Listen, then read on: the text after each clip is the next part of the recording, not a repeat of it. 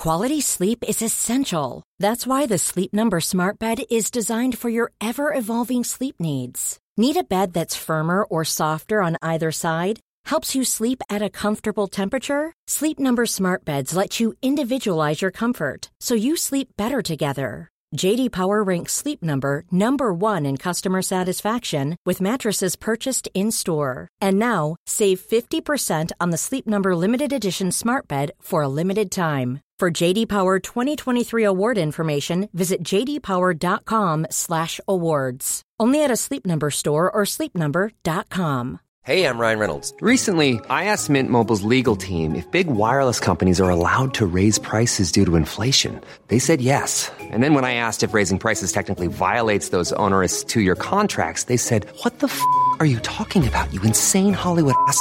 So to recap, we're cutting the price of Mint Unlimited from $30 a month to just $15 a month. Give it a try at mintmobile.com slash switch. $45 upfront for three months plus taxes and fees. Promo rate for new customers for limited time. Unlimited more than 40 gigabytes per month. Slows. Full terms at mintmobile.com. Everyone knows therapy is great for solving problems, but getting therapy has its own problems too, like finding the right therapist, fitting into their schedule, and of course, the cost. Well, BetterHelp can solve those problems. It's totally online and built around your schedule. It's surprisingly affordable too. Connect with a credentialed therapist by phone, video, or online chat, all from the comfort of your home. Visit betterhelp.com to learn more and save 10% on your first month. That's BetterHelp H E L P. La meg være helt ærlig med deg. Noe av det vanskeligste med off-mentalitet er det faktumet at det er så sinnssykt lett gjenkjennelig i alle andre, men ekstremt vanskelig å spotte i seg selv. Det krever en indre dialog og ro og bevissthet i å se når du står i dritten, altså i offermentalitet-dritten, kontra når du har klart å komme deg ut av situasjonen ved å ta 100 ansvar for deg selv. Jeg har sagt det før, at alle sammen kan drive med personlig livsmestring på en øde øy. Det hadde vært dødsdigg. Noe helt annet er å drive med livsmestring i en hektisk hverdag, og spesielt på arbeidsplassen. For her har du null kontroll over dine arbeidskollegaer og hva som skjer, og hva de bringer med seg inn i hverdagen, i lunsjen og på jobb. Dette er noe av det jeg skal ta med meg inn og snakke om i dagens podkastepisode, nemlig hvordan du kan bli bedre på livet, og hvordan du kan lære deg å gå ut av offermentalitet på arbeidsplassen. Velkommen til dagens episode.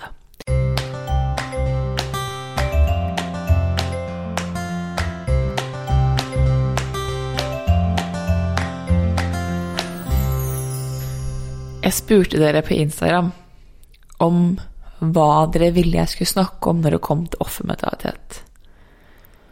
Og det spørsmålet som kom inn mest, var hvordan håndtere kollegaer som sitter fast i offermentalitet. Eller hvordan håndtere kollegaer som ikke tar ansvar for egne handlinger. Så for å kunne snakke om offermentalitet, så har jeg lyst til å gi dere min definisjon, som jeg skriver i boken. Så vi har liksom et sånt felles grunnlag å gå ut for i dagens episode. Jeg skriver at jeg ser på offermentalitet som en mental tilstand hvor du konsekvent leter etter feil. Å lide av offermentalitet er som å ha et innebygget autosøk som alltid finner det som er galt deg selv, livet, jobben, familien eller andre ting. Offermentalitet innebærer total ansvarsfraskrivelse For uansett hva som skjer, er det aldri din skyld. Det finnes alltid en god forklaring. Alltid noen eller noe å skylde på. Jeg skriver også at jeg har det som kalles for Du har ansvarsfraskrivelse på den ene siden. Du har overkompensering Overkomp... Åh, hva heter det for noe? Det heter overkompensering, som handler om at du blir fikseren. Du fikser alt. Og så har du lillesøsteren til offermentalitet som kalles Askepott-mentaliteten. Det er en form for ansvarsfraskrivelse.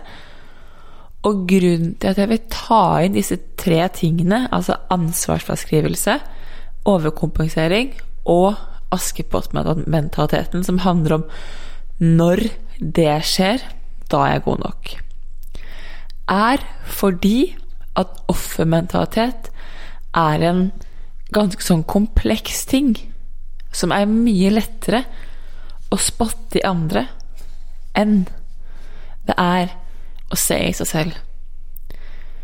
Men offermentalitet handler alltid om å fraskrive seg ansvar på et eller annet måte, uavhengig om du tar alt ansvaret eller ikke.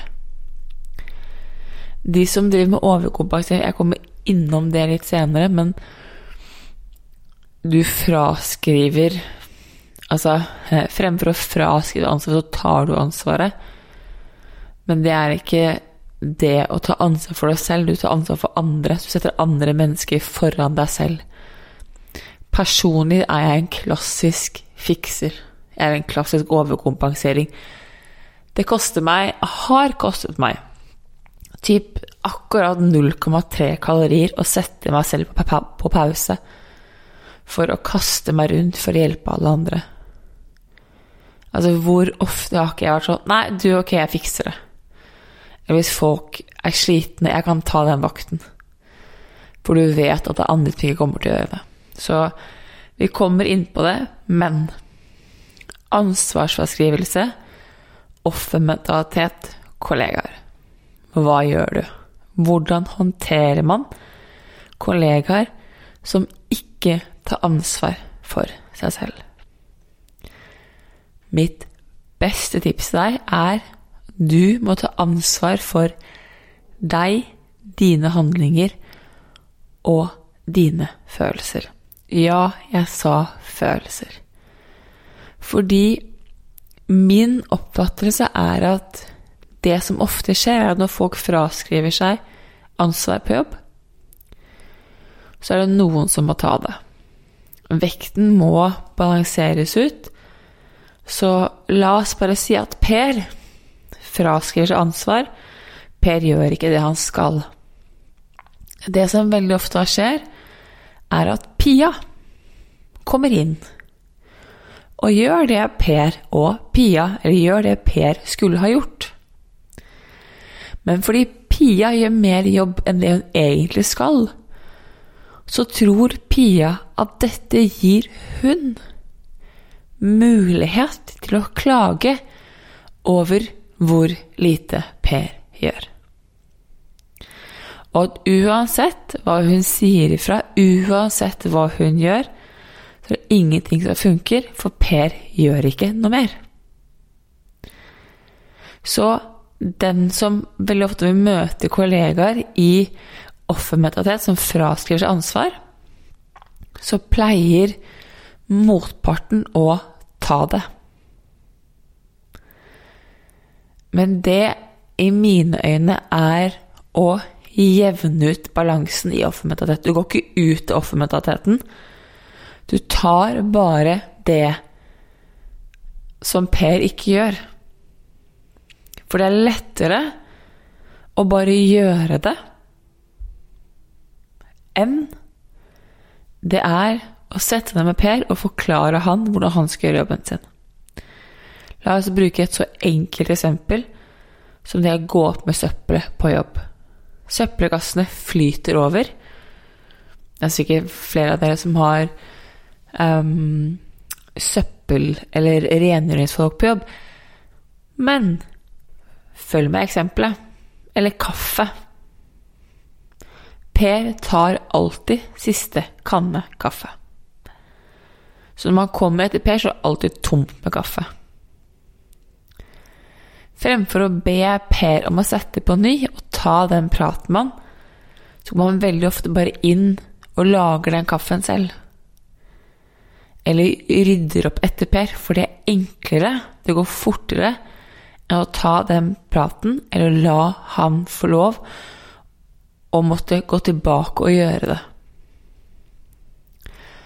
Og det som er at dette her over tid vil gå og irritere. Og det er her offermentalitet på jobb er så riktig. Fordi jeg mener 110% Det er ikke like morsomt hver gang, men det slår aldri feil. Spørsmålet er ikke egentlig hva Per gjør, men hva Pers handlinger gjør med deg. Hva trigger Per i deg? Hva er det det at Per ikke tar ut søppelet, setter på kaffen, rydder opp etter seg, hva er det det gjør med deg? Og hvordan håndterer du det? For veldig ofte så ser vi på kollegaene våre, så tenker vi åh, men deres reaksjon er viktigere, og så glemmer vi vår egen. Vi har null kontroll, jeg sier vi, for det er mennesker generelt, har null kontroll på hva alle andre gjør. Den eneste vi har kontroll på, den eneste vi kan ta ansvar for, er oss selv. Jeg har hatt, og jeg går fortsatt på en smell i ny og ne. La meg ta den en gang til. Jeg går fortsatt på en smell ganske ofte. Ikke ny og ne, ganske ofte. Men mitt mantra er å forsøke å ta 100% ansvar for meg og mine følelser. Og det å ta 100% ansvar for meg og mine ansvar, altså meg og mine følelser, betyr at jeg er ansvarlig for min reaksjon. Jeg får ikke gjort noe med handlingen til alle andre men jeg kan gjøre noe med hvordan jeg velger å respondere. Jeg kan gjøre noe med det, den triggeren jeg kjenner i meg. For meg, hvis Per ikke Hvis Per alltid tar siste kanne kaffe, hvis Per aldri går opp med søppel eller aldri rydder opp etter seg, for meg er det respektløst. Det er mangel på respekt overfor seg selv og sine kollegaer. Det, mangel på respektløshet, kan veldig ofte representere en mangel for respekt jeg kjenner hos meg selv. Ja da, her speiler vi hverandres sår hver gang. Din usikkerhet er veldig ofte også kollegaen din sin, vist på en litt annen måte. Det er ikke noe gøy å skulle sette ned og akseptere at å ja, ok, så jeg viser ikke respekt overfor meg selv på samme måte som det Per ikke gjør. Gøy? Nei. Men det er ikke personlig livsmestring alltid så veldig gøy heller, da. Det er eh, innimellom brutalt og ukomfortabelt. Men det er sant. Hver gang jeg har hatt utfordringer med kollegaer på jobb, så det er veldig ofte fordi de representerer egenskaper jeg har i meg selv som jeg ikke liker. For eksempel da jeg jobbet på institusjon, så kom jeg alltid fem minutter for sent. Hver gang. Altså, det var konsekvent. Jeg kom inn døren fem over åtte hvis jeg begynte åtte. Um, så jeg prøvde ikke, det bare Det skjedde. Eh, men jeg hadde alltid lyst til å gå litt før. Og jeg kunne bli irritert hvis folk kom for sent. Hvorfor det? Fordi jeg gjorde det. Så når folk kom for sent, så fikk jeg kjenne på det de nattevaktene eller tidligvaktene kjente på når jeg kom for sent. Når de så at mitt navn sto på jobb. Jeg kunne bli irritert hvis folk ikke gjorde jobben sin godt nok. Fordi at på min standard var det ikke godt nok. Det betyr ikke at det var godt, men for de så var det godt nok, for vi gikk inn med to helt ulike intensjoner. Noen mennesker er på jobb for å jobbe. Andre mennesker er på jobb for å bidra, for å yte. To ulike intensjoner, to ulike holdninger inn. Men mennesket som er på jobb for å yte, kontra et menneske som er på jobb bare for å jobbe, vil også gi to helt ulike resultater. Jeg var sint for jeg følte jeg jobbet mer. Jeg følte jeg led. Min lidelse var kun mitt perspektiv. Det var slik jeg så situasjonen. Det betyr ikke at det var sant. Sett tilbake, som var veldig vanskelig og kjedelig for vedkommende eller mine kollegaer, som kom på jobb bare for å være, bare for å gjøre jobben sin og så gå igjen. Som kun var der for å tjene penger. For et menneske som kjenner at lidenskapen drar meg fremover, så må det være tungt å finne motivasjon til å komme på jobb. Hvis eneste jobben, grunnen til at du går på jobb, er penger, da trives du ikke i jobben din. Da trives du også med sannsynligvis ikke med andre ting i livet ditt. Og det kunne igjen representere tilbake til faktum at jeg var ikke en jobb hvor jeg trivdes. Altså, jeg trivdes, men jeg ville noe mer. Og den formen for ulykkelighet kunne representeres i begge to.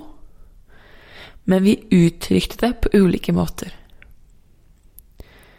Grunnen til at jeg sier som jeg gjør, er fordi at vi er så sinnssykt flinke til å peke fingeren ut på hvordan våre kollegaer er i offermentalitet. Men sjelden så stiller vi oss selv spørsmålet hvis jeg ser at min kollega Per er i offermentalitet, betyr det at jeg også er det? Bruker jeg nå sladder, snakker jeg dritt? Fordi det er en enkel måte å underholde meg og kollegaene våre på? Eller er jeg med på, på faktisk bidra og øke samholdet? Strekker jeg ut den hånden for å hjelpe?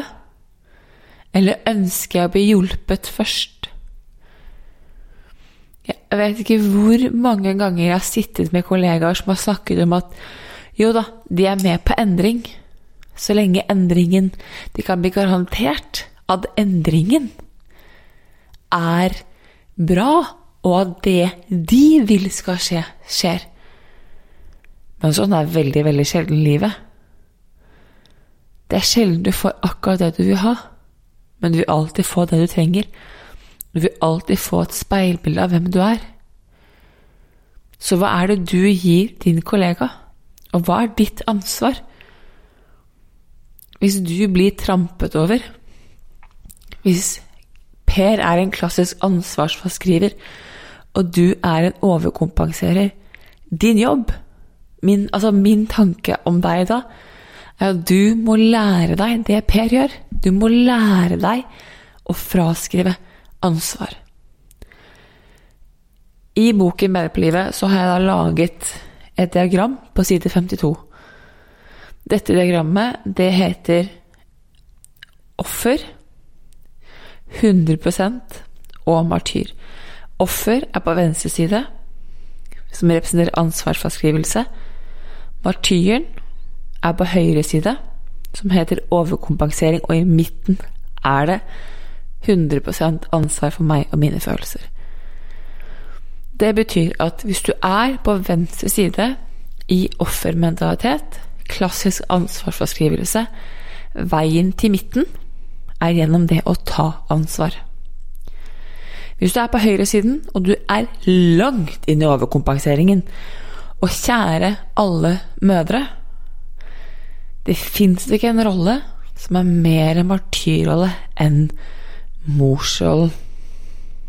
Bare så det er sagt. Det er en rolle som hedres jo mer overkompensering man gjør.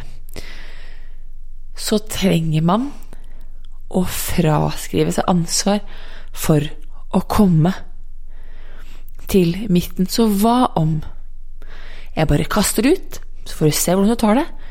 Hva om du egentlig er litt misunnelig og sjalu på Per? Fordi Per, vår kjære Per, har evnen til å fraskrive seg ansvar, og han er helt ok med det. Han kjenner ikke på dårlig samvittighet. Han kjenner ikke på at han burde Han har ikke tankekjør fordi han la ting bare være. Per er helt ok med å ta siste koppen med kaffe. Per er helt ok med ikke gå opp med søppelet når han skal. Og Per har det helt fint med at han ikke rydder opp etter seg. For en overkompensering kompenserer, og jeg snakker av erfaring, så er det vondt. Første gang jeg skulle lære meg ansvarsfraskrivelse, jeg måtte sitte på hendene mine. Jeg måtte sitte på hendene og si det er helt greit. Nå vokser Isabel. Nå vokser det helt greit å ikke skulle gjøre noe som helst nå. Ikke gjør det, ikke gjør det, ikke gjør det. Altså, jeg måtte sitte med indre mantra. Ikke gjør det, ikke gjør det, ikke gjør det. Jeg vet du vil. Skal ikke ta ansvar. Skal ikke ta ansvar. La være. Det her får du til. Kom igjen. Kom igjen. Jeg måtte heie meg frem. For jeg var så sinnssykt vant til å fikse. Så det er derfor jeg sier at fremfor når man ser en kollega i offermentalitet Hvordan håndterer man de? Man finner ut ok, hvor er de på skalaen av offermentalitet, og hvor er du? Hva er det de trigger i deg? Og hva trenger du nå å gjøre? For som jeg har sagt før, det er 5% fakta, 95% historien du forteller deg selv. Lenger ned inn i boken i Bære på livet, nå skal jeg finne den siden, jeg mener det er dun, dun, dun, um, To be continued. Det er sånn pausemusikk. Ja, fant den nå. På side 107, der er det et skjema som heter 5% fakta, 95% historien du forteller deg selv. Her kan du gå inn, og så kan du sette opp hva er situasjonen med Per? Hva er følelsen jeg kjenner på? Hva, når har jeg kjent på lignende følelser før? Og hva er det jeg forteller meg selv? Hva er tolkningen av det her? For jeg kan garantere deg at Per trigger. Men det er ikke nødvendigvis sånn at han trigger det du tror han trigger. Og det er mye lettere å skulle skylde på han og gå til sjefen og bla, bla, bla, bla, bla, enn det er å skulle ta en titt i seg selv og se hva du trenger nå. Hva kan du gjøre for deg selv, slik at du kan møte Per i offermentaliteten og stå der trygt og stødig i egne ben?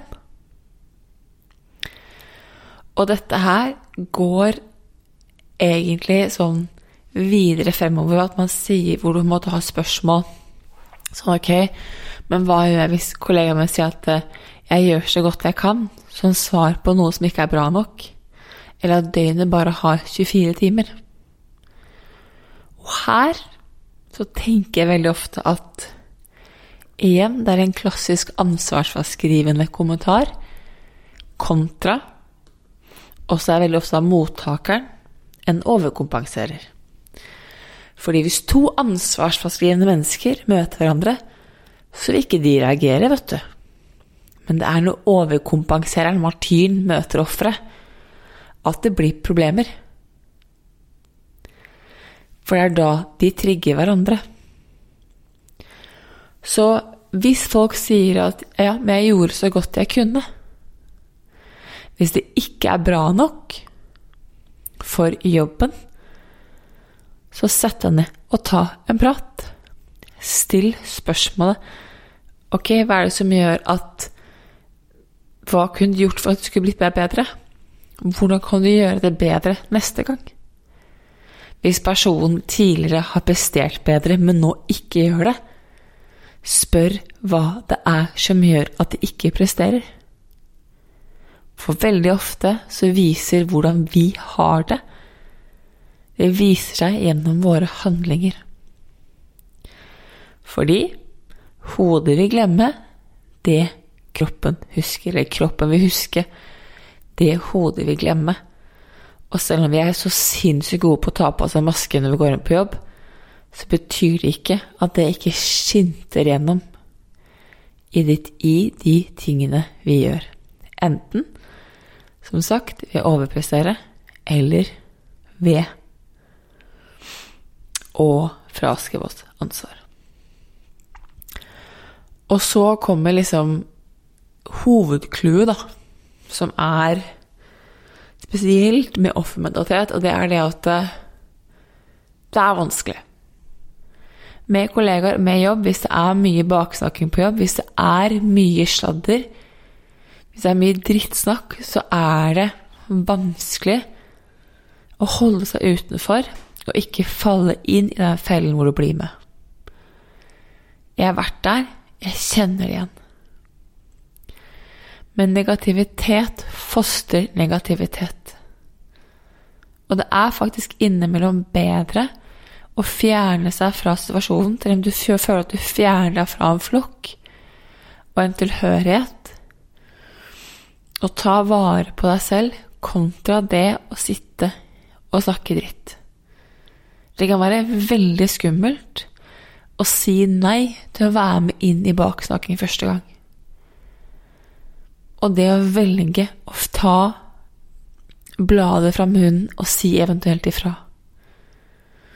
Men nå, jeg, nå må dere arrestere meg for noe så jeg går litt um, Ikke off record, men jeg kan se for meg at det er veldig mange mennesker, eller lyttere, som kan ha opplevd en eller annen form for mobbing og som skulle ønske at noen hadde stått opp for dem.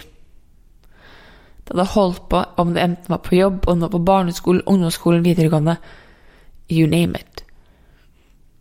Så skulle man ønske at ok, men jeg skulle ønske at det hadde stått opp for meg. Eller jeg er en type som står opp for andre mennesker. Min opplevelse er at det er vanskelig å stå opp hvis du sitter i en gruppe hvor det snakkes dritt. Det er vanskelig å tørre å si ifra fordi du risikerer avvisning selv.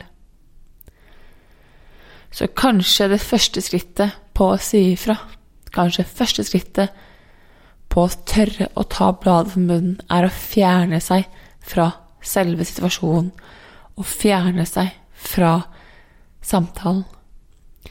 Ikke fordi, ikke fordi du turte å si ifra, men fordi du valgte å ta et annet standpunkt enn du selv velger. For hvis du sitter der og lytter, så er du fortsatt en del av det. Det er skummelt, ja, men det er her hvor du starter å bygge den tilliten fra deg til deg. Hvor du begynner å velge de egenskapene du egentlig ønsker å ha, hvor du tar personlig livsmestring til det neste nivået og begynner å implementere små steg inn i hverdagen. Offermentalitet handler om deg. Sladder handler om deg. Er du villig til å akseptere det eller ikke? Sladrer jeg i dag? 110 Har jeg lyst til å gjøre det? Nei. Er det etisk riktig av meg? Absolutt ikke. Men det er fortsatt en del av meg. Men jeg lærer meg til å ta det. Jeg lærer meg til å møte den delen av meg og stille meg selv spørsmålet hva er det restauranteret her gir meg nå? For veldig ofte så gir det en følelse av tilhørighet. Og det er greit men det fins andre måter å skape tilhørighet på. Men det er en grunn til at de sier at kjærlighet og hat er samme følelse, men på hver sin side av skalaen. Hat er ikke det motsatte til kjærlighet, det er likegyldighet. Så derfor er mitt tips til deg er hvis du kjenner på at du har kollegaer som ofte går i offentlighet på jobb, så er det ikke spørsmålet om hvordan du skal håndtere de, det er hvordan du skal håndtere deg selv og dine egne triggere. For det sekundet du begynner å reagere og respondere annerledes, er sekundet hvor de også vil påvirke de, enten ved at deres oppførsel ikke vil påvirke deg, eller ved at ting vil endres. Hvis du har spørsmål rundt episoden hvor jeg skal fortsette, ta med på offermentalitet på jobb, og send meg en melding på Instagram. Jeg har også lyst til å gi en liten sånn heads up til um, alle som har hørt episoden om Neurographica med Natalia som jeg hadde for et par uker siden. På lørdag Hvilken dato er det igjen? Bram, bam, boom. Er det 20.? Kan det stemme? Mm, dun, dun, dun, uh, igjen sånn pausemusikk. Ja. Lørdag 20. mai så vil Natalia ha en ny sånn free workshop med Neurographica, hvor temaet er åh, Altså, det er så bra. Hvordan lære å elske seg selv mer. Jeg skal glede meg gløgg. Jeg skal, link, le, jeg skal legge en link Oi, det rumlet i magen min. Jeg skal legge en link eh, i bioen som du kan bli med og joine opp til hennes community helt gratis. Og bli med inn i Neographica. Eh, tiden, bare så det er sagt, det er litt sånn side note. Sjekk tiden, fordi at eh, hun er i Buenos Aires i Argentina. Så det er litt ulike tidssoner. Så det er ikke ett klokken ett norsk tid. Jeg tipper det er klokken syv, men eh, så sjekk linken. Men det er gratis. Jeg vil anbefale alle å bli med hvis du har lyst. Jeg skal. Da kan dere vinke. Har dere spørsmål, send meg en melding. Så skal jeg selvfølgelig hjelpe dere med Neurographica. Eh, så ja. Men offermøte på jobb. Det var gøy. Vi skal fortsette å jobbe med Bedre på livet på arbeidsplassen. Rett og slett hvordan ta med personlig livsmestring inn. Så tune inn neste uke for å høre neste episode. Ha det!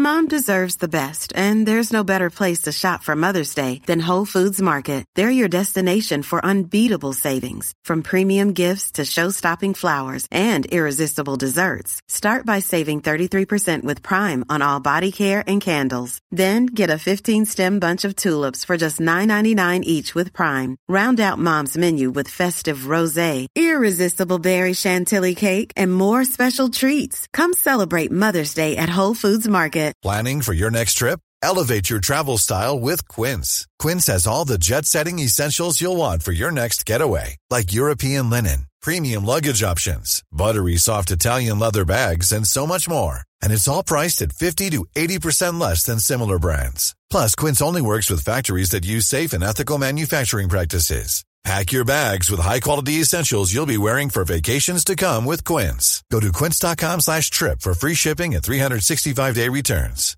Planning for your next trip? Elevate your travel style with Quince. Quince has all the jet-setting essentials you'll want for your next getaway, like European linen, premium luggage options, buttery soft Italian leather bags, and so much more. And is all priced at 50 to 80% less than similar brands. Plus, Quince only works with factories that use safe and ethical manufacturing practices. Pack your bags with high-quality essentials you'll be wearing for vacations to come with Quince. Go to quince.com/pack for free shipping and 365-day returns. Mom deserves the best, and there's no better place to shop for Mother's Day than Whole Foods Market. They're your destination for unbeatable savings, from premium gifts to show-stopping flowers and irresistible desserts. Start by saving 33% with Prime on all body care and candles. Then get a 15-stem bunch of tulips for just $9.99 each with Prime. Round out Mom's menu with festive rosé, irresistible berry chantilly cake, and more special treats. Come celebrate Mother's Day at Whole Foods Market. Imagine the softest sheets you've ever felt. Now imagine them getting even softer over time. That's what you'll feel with Bowl and Branch's organic cotton sheets. In a recent customer survey, 96% replied that Bowl and Branch sheets get softer with every wash. Start getting your best night's sleep in these sheets that get softer and softer for years to come. Try their sheets with a 30-night guarantee. Plus, get 15% off your first order at bowlandbranch.com. Code BUTTERY. Exclusions apply. See site for details.